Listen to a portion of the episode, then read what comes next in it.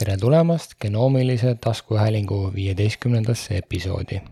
minu nimi on Mikk Tooming ning antud taskuhäälingus süvenen genoomika ja geneetika põnevasse maailma. taskuhäälingus tuleb juttu viimastest läbimurretest DNA uuringute alal kui ka geenitehnoloogiat ümbritsevatest eetilistest küsimustest ning teadusuudistest. head kuulamist! Genoveebis avaldatud artiklis käsitletakse kasvavat suundumust suurema täpsuse suunas järgmise põlvkonna sekveneerimisel ja sellega kaasnevaid võimalikke probleeme.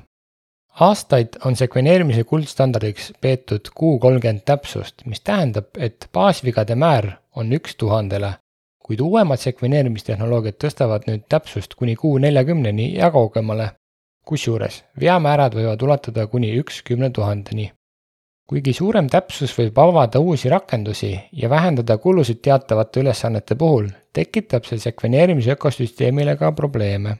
tarkvaraprogrammid ei pruugi olla optimeeritud Q40 andmete töötlemiseks ja raamatukogu ettevalmistusmeetodid võivad põhjustada vigu, mida varem peeti taustamüraks.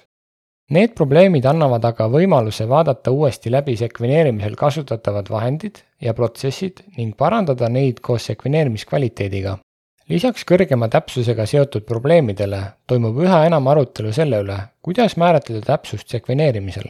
mõned teadlased pooldavad nüüd määratlust, mis põhineb pigem variantide nimetamise tulemuslikkusel kui baaspõhisel statistikal, mis võib küsimust veelgi keerulisemaks muuta. vaatamata nendele probleemidele on suuremast täpsusest potentsiaalselt märkimisväärne kasu, see võib parandada kogu genoomi sekveneerimise assemblite kvaliteeti, suurendada usaldust haruldaste alleelide või minimaalse jääkhaiguse tuvastamisel ning aidata kaardistada vähktõbe põhjustavaid variante või avastada vähki varakult. väga täpne lugemine on väärtuslik ka madala läbilaskusega sekveneerimisrakendustes, kus katvus on piiratud. uued sekveneerimistehnoloogiad nagu Element Bioscience'i sekveneerimine aviitsuse järgi ja pakkpeo sekveneerimine sidumise järgi pakuvad uusi sekveneerimise täpsuse paradigmasid, mis lähevad kaugemale kui Q nelikümmend. näiteks Pakkpeo uus lühikese lugemise sekveneerimisplatvorm Onso on näidanud üheksakümmend üheksa koma üheksakümmend üheksa protsenti täpsust enamike valuste puhul, mis on üle Q viiekümne protsendi. Illumina uus X-Leap SBS keemia võib samuti olla võimeline saavutama sarnaseid Q-skoore kuigi suurem täpsus esitab sekveneerimise ökosüsteemile väljakutseid, on sellega potentsiaali avada uusi rakendusi ja parandada olemasolevate rakenduste kvaliteeti. sekveneerimistehnoloogiate jätkuvas arengus on oluline töötada välja vahendid ja protsessid, mis suudavad järjest suurema täpsusega sekveneerimisandmeid töödelda.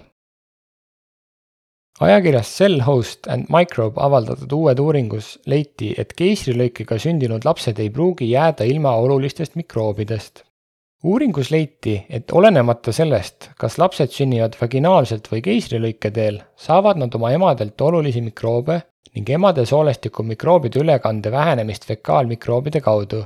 kui lapsed sünnivad keisrilõike teel, võivad kompenseerida teised nišid, näiteks rinnapiim.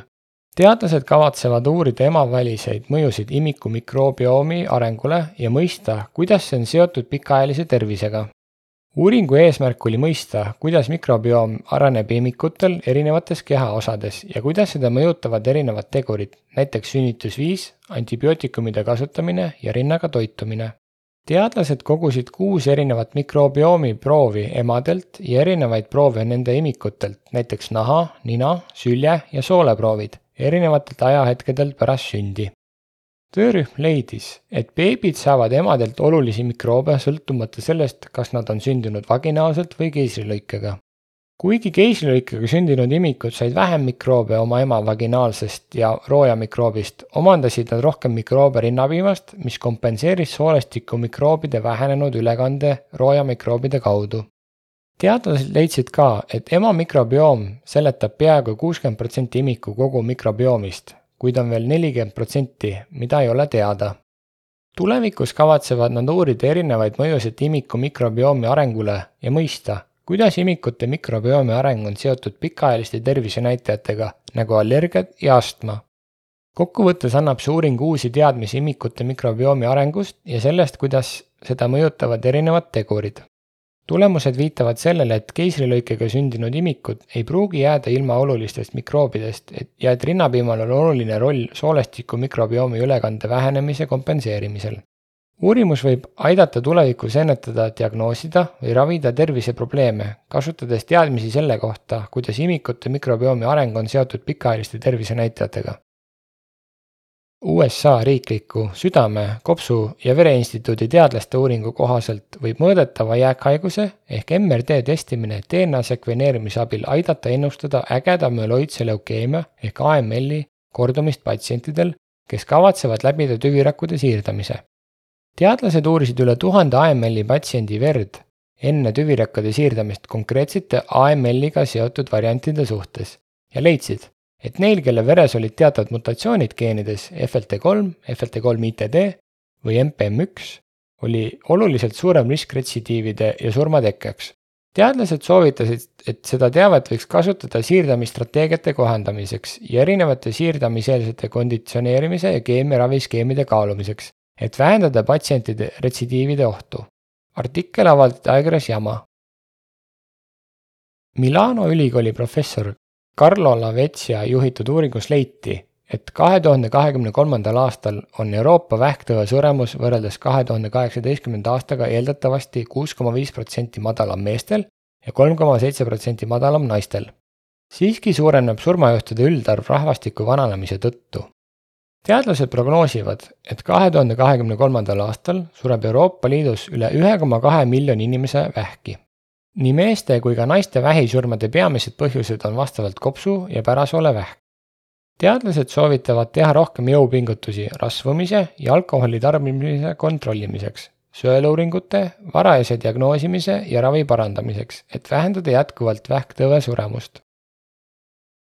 Ansa Biotechnologies on edukalt sünteesinud maailma pikima DNA oligonukleotiidi, mille pikkus on tuhat viis aluspaari, kasutades ensümaatilist DNA sünteesi see on oluline areng, sest fosforamiidi keemia, mis on seni olnud DNA kirjutamise kuldstandardiks, on raskustes pikemate, keerukamate DNA lõikudega, näiteks sekundaarsed struktuurid või suure GC sisaldused. ANSA Biotechnologies protsess hõlmab terminaalse deoksünukleotiidüültransferaasi ja nukleotiidi konjugaadi kasutamist, et lisada nukleotiidide tahkel alusel olevate DNA primerile, mida saab seejärel lõhkuda et vabastada DDT ja võimaldada täiendavate aluste lisamist.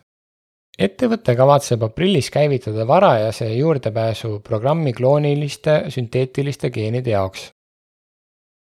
Acadia Pharmaceuticals on saanud FDA heakskiidu oma ravimile Debut Reti sündroomi raviks täiskasvanud ja pediaatrilistel patsientidel vanuses kaks aastat ja rohkem. Reti sündroom on haruldane neuroloogiline arenguhäire, mida põhjustab MECP2 geeni geneetiline mutatsioon ja mis mõjutab USA-s umbes kuute tuhat kuni üheksa tuhandet patsienti. Debut on esimene ja ainus ravim, mis on heaks kiidetud Reti sündroomi raviks. heakskiidu aluseks olid kolmanda faasi uuringu positiivsed tulemused, mis näitasid Debut statistiliselt olulist paranemist võrreldes platseeboga Reti sündroomi käitumise küsimustiku koguskoori ja kliiniliste üldmulje paranemise skaala skoori osas. ravim peaks olema kättesaadav kahe tuhande kahekümne kolmanda aasta aprilli lõpuks. Ida-Anglia ülikooli teadlased on välja töötanud uue ravimi, mis võitleb tõhusalt esmase luuvähi vastu, blokeerides geeni, mis on esmase osteosarkoomi puhul kõrgreguleeritud. praegune ravi hõlmab keemiaravi ja amputeerimisi, kusjuures viieaastane elulemus on vaid nelikümmend kaks protsenti uus ravim nimega CAD viissada kakskümmend kaks pärsib geeni nimega RUNX2, mis vastutab osteoblastide diferentseerumise eest luu moodustamise protsessis. prekliinilised uuringud näitasid, et metastaasivaba elulemus suurenes viiekümne protsendi võrra, kui uut ravimit kasutati iseseisvalt ilma keemiaravi või operatsioonita. praegu läbib ravim toksikoloogilisi hindamisi, enne kui saab läbi viia kliinilise uuringu inimestel on leitud, et Reveal Genomicsi poolt välja töötatud vedelbiopsia test, mis põhineb ringleval kasvajavabal DNA-l ehk ctDNA-l ja masinõppel, võimaldab ennustada vastuseid teatavate ravimeetodite ja ellujäämist rinnavähi puhul. ctDNA biopsia tuvastas mitu haiguse alatüüpi ja eristas selliseid tunnuseid nagu kasvaja proliferatsiooni ja östrogeeni retseptori signaliseerimise meetmed teadlased sekveneerisid neljasaja viiekümne üheksa metastaatilise rinnavähiga patsiendi rakuvaba DNA-sid ja leidsid, et mitme geeni signatuurid järgisid edukalt keerukaid bioloogilisi tunnuseid ctDNA-s. Reveal Genomicsi lähenemisviis on eeldatavasti märkimisväärne mõju kliinilises keskkonnas ja see võib aidata avastada mitme tunnuse genoomilisi ennustajaid rinnavähi ja teiste vähiliikide puhul. Reveal Genomics toob oma teise toote, ctDNA põhilise testi nimega DNA DX eeldatavasti turule järgmisel aastal. Tartu Ülikooli Genoomika Instituut on soetanud endale Illumina Nexec kaks tuhat instrumendi ning alates märtsist pakub ta masinateenust ka partneritele. Nexec kaks tuhat on loodud kiireks ja täpseks sekveneerimiseks mitmesuguste DNA proovide puhul, alates väikestest genoomidest kuni suurte eksoomideni. Nexec kaks tuhat suudab sekveneerida kuni sada kakskümmend gigabaasi andmeid ühe run'i jooksul, mis teeb sellest võimsa vahendi nii teadusuuringute kui ka kliiniliste rakenduste jaoks masin kasutab Illumina uuenduslikku sekveneerimistehnoloogiat, mis genereerib kvaliteetseid lugemeid madala veamääraga. süsteem on paindlik, võimaldades sekveneerimisparameetrite kohandamist vastavalt konkreetsetele uurimisvajadustele. Nexec kaks tuhat on väärtuslik vahend teadlastele, kes soovivad luua suuri koguseid kvaliteetseid DNA sekveneerimisandmeid. Ühendkuningriigi teadusminister George Freeman väitis parlamendis, et valitsus teadis Hiina PGI katsetest häkkida NHS-i geneetilist andmekeskust. Freeman väitis, et PGI on varem püüdnud häkkida Genomics Englandi, kuid hiljem tunnistas üks valitsuse ametnik, et nende väidete kohta puuduvad tõendid. PGI on üks maailma suurimaid geenisekveneerimisega tegelevaid ettevõtteid, toodab PCR-testi komplekte, Covidi ja sünnieelse geeniteste eelmisel nädalal pani USA kakskümmend kaheksa Hiina kontserni, sealhulgas kolm PGI tütarettevõtet musta kaubanimekirja, väites, et on märkimisväärne oht, et nad aitavad kaasa Hiina valitsuse poolsele jälgimisele ja järelevalvele. Solis Biodyne on Eesti juhtiv biotehnoloogia ettevõte, mis on spetsialiseerunud DNA ja RNA analüüsis kasutatavate unikaalsete ensüümide arendamisele ja tootmisele ettevõte on viimastel aastatel pidevalt kasvanud, eelkõige tänu Covid-19 pandeemiale, mis on suurendanud nõudlust tema toodete järele. nüüd seisab ettevõte aga silmitsi probleemidega, mis tulenevad mitmetest teguritest, sealhulgas pandeemia, energiakriis, julgeolekuprobleemid, inflatsioon ja Euribori tõusu tõttu turul toimunud muutustest. Nende probleemide tõttu on Solis Biodyne pidanud koondama kakskümmend kaks oma kuuekümne kuuest töötajast otsus töötajate arvu vähendamiseks ei olnud lihtne, kuid see oli vajalik, et tagada ettevõtte pikaajaline stabiilsus. hoolimata koondamistest on Solis Biodyne'il endiselt palju põnevaid rahvusvahelisi projekte ning ettevõtte juhtkond on jätkuvalt pühendunud ettevõtte kasvule tulevikus. Solis Biodyne on nomineeritud Eesti aasta eksporti auhinnale aastal kaks tuhat kakskümmend üks. ettevõtte peamised eksporditurud on suured Lääne-Euroopa riigid nagu Prantsusmaa, Hispaania ja Itaalia aga ka USA, Argentiina, Lõuna-Korea ja paljud teised riigid üle maailma. ettevõtte edu nendel turgudel on tunnistuseks tema toodete kvaliteedist ja meeskonna asjatundlikkusest. tulevikku vaadates on Solis Biodyne'i tegevjuht Angela Vaasa rõhutanud stabiilsuse tähtsust ettevõtte tegevuses. ettevõte keskendub praeguste majanduslike probleemide ületamisele ja jätkusuutliku kasvu jätkamisele vaatamata keerulistele turutingimustele on Salish Biodyne jätkuvalt pühendunud oma missioonile pakkuda kvaliteetseid biotehnoloogilisi tooteid, mida saab kasutada teadlike otsuste tegemiseks erinevates valdkondades, alates tervishoiust kuni keskkonnaanalüüsini.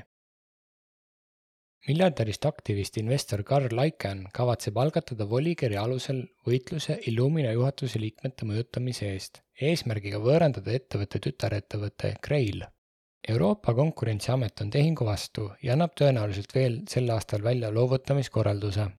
ICANNil on umbes kaks koma kaks miljonit Illumina aktsiat ja ta kavatseb juhatusse seada kolm inimest, kes on kas praegu või varem tema juures töötanud. Illumina on vaidlustanud regulatiivset menetlust mitmel rindel. ettevõtte ametnikud on aga hiljuti andnud märku valmisolekust Graili maha müüma. Illumina aktsiad tõusid esmaspäeval pärast uudise ilmumist Nasdaqil keskpäevasel kauplemisel üle kahekümne protsendi kui märkad mõnd huvitavat uudist või sul on küsimusi, saad mulle kirjutada genoomiline at gmail.com. tänan, et olid minuga ja head sekveneerimist!